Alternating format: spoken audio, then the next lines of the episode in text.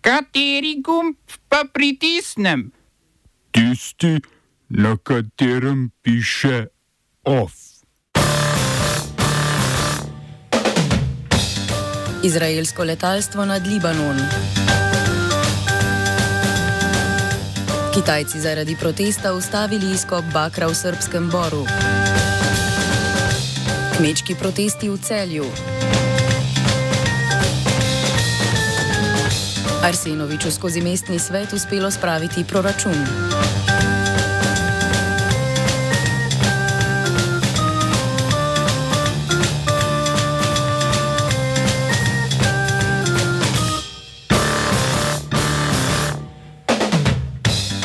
Izraelska vojska je po mesecih čezmejnega obstreljevanja z libanonskim Hezbolahom začela z letalskim napadom južnega Libanona. Detajlov ni sporočila, iz Libanona pa poročajo o napadih na več vasi ob južni meji. V Izraelu trdijo, da je njihov letalski napad odgovor na libanonske rakete, ki so zadele vojaško bazo v mestu Safed.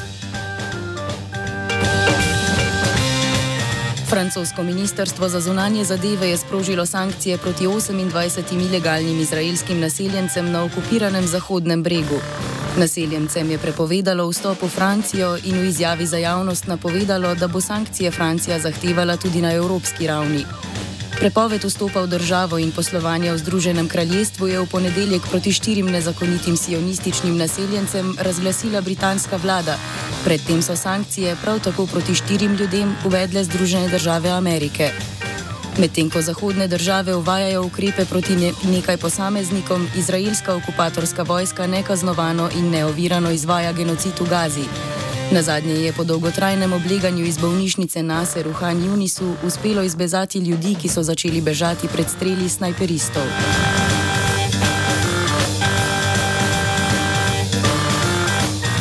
Iranski minister za nafto Javad Oji je dve eksploziji na plinski infrastrukturi označil za sabotažo. Po noči sta se po njegovih besedah zgodili teroristični sabotaži, ki sta v okoliških vaseh prizadeli oskrbo s plinom. Eno eksplozijo so odkrili na glavnem plinovodu, ki povezuje plinska polja v Kaspijskem jezeru s srednjim Iranom, drugo pa v južni provinci Fars. V preteklosti so iranske oblasti podobnih sabotaž obtožile izraelske agente. Poleg nafte je zemljski plin hrbtenica iranskega gospodarstva, ki jo močno upogibajo zahodne sankcije, na zadnje uveljavi od ameriškega enostranskega odstopa od iranskega jedrskega sporazuma leta 2018.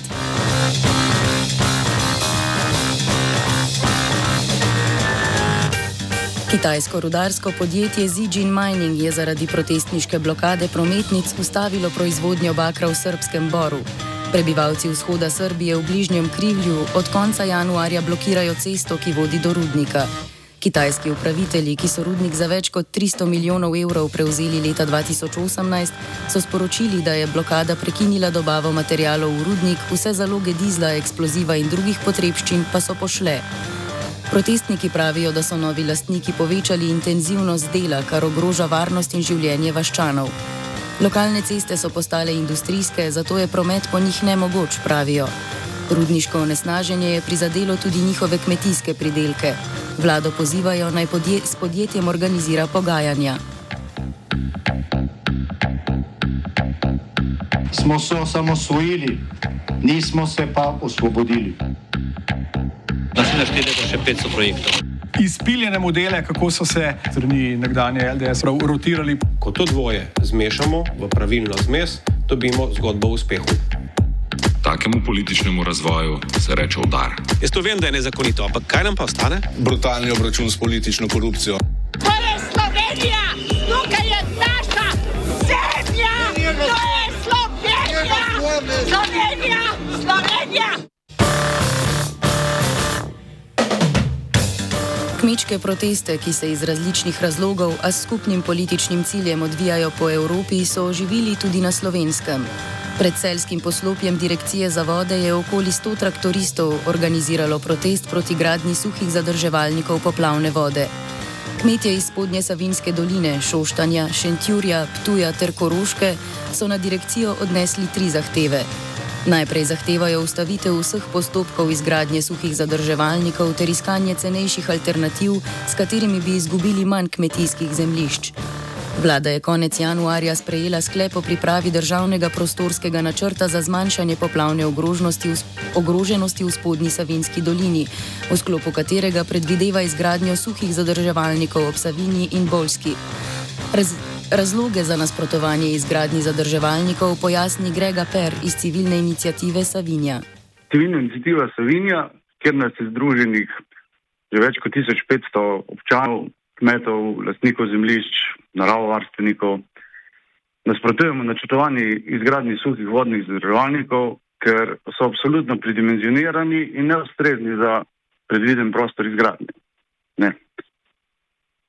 E, poleg izgube 1600 hektarjev prvokategornih kmetijskih zemljišč, ki bi bili žrtvovani v ta namen, e, tak poseg v prostor predstavlja ekološko katastrofo za obrečni ekosistem, predvsem pa predstavlja varnostna tveganja ker eh, država efektivno preseljuje 12 strnjenih naselij na poplavnim vodam izpostavljeno območje.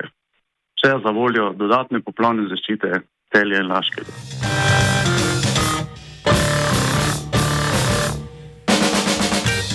Kakor trdijo kmetje, so iz postopkov gradnje zadrževalnikov izključeni.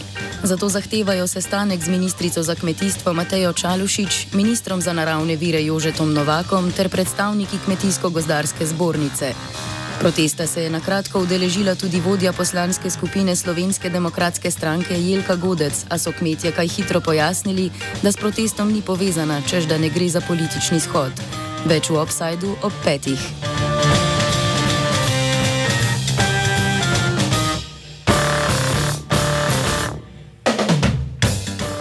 V nadaljevanju političnega šova grajenja platforme sodelovanja, seveda z desnico, trije poslanci Slovenske demokratske stranke niso podpisali izjave, s katero bi se zavezali, da bodo do konca aktualnega sklica državnega zbora delovali kot člani stranke in njene poslanske skupine.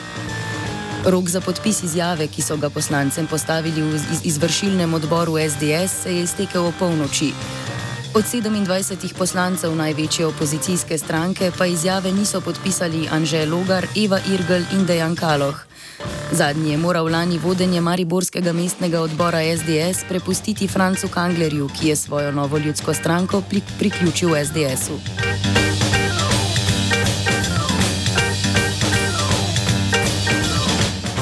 Mariborski mestni svet, v katerem župan Saša Arsenovič nima vnaprej zagotovljene večine, je potrdil letošnji občinski proračun. Znaša skoraj 169 milijonov evrov, v njem pa ni niti podražitve položnic za vrtce oziroma znižanja subvencije za starše, niti uvedbe plačljivega parkiranja ob sobotah.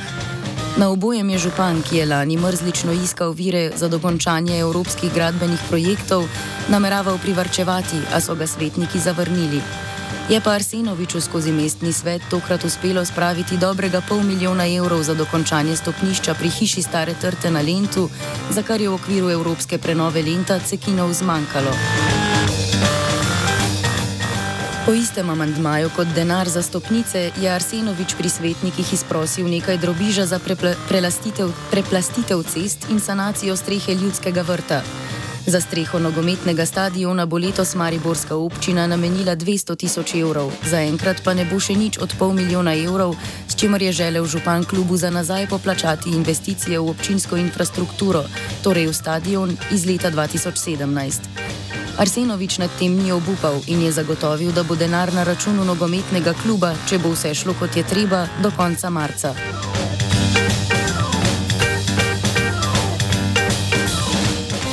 Na predlog svetniške skupine Gibanja Svoboda so svetniki Arsenoviču tudi dodatno omejili možnost prerasporejanja sredstev med proračunskimi postavkami, ne da bi predtem v mestnem svetu potrdili rebalans proračuna. Vodja občinskega urada za finance in proračun Mateja Cekič je svetnike opozarjala, da bodo morali vsak mesec sprejemati nov rebalans proračuna. Karin Jurše iz Gibanja Svoboda je odgovorila, da so že predlani odločali o enajstih rebalansih in dejala, citiramo, preprosto vam več ne zaupamo. Spomnimo, da je Arsenovič konec januarja sprožil tožbo proti lastnemu mestnemu svetu, ker so županu svetniki oduzeli ustanoviteljske pravice v holdingu občinskih podjetij.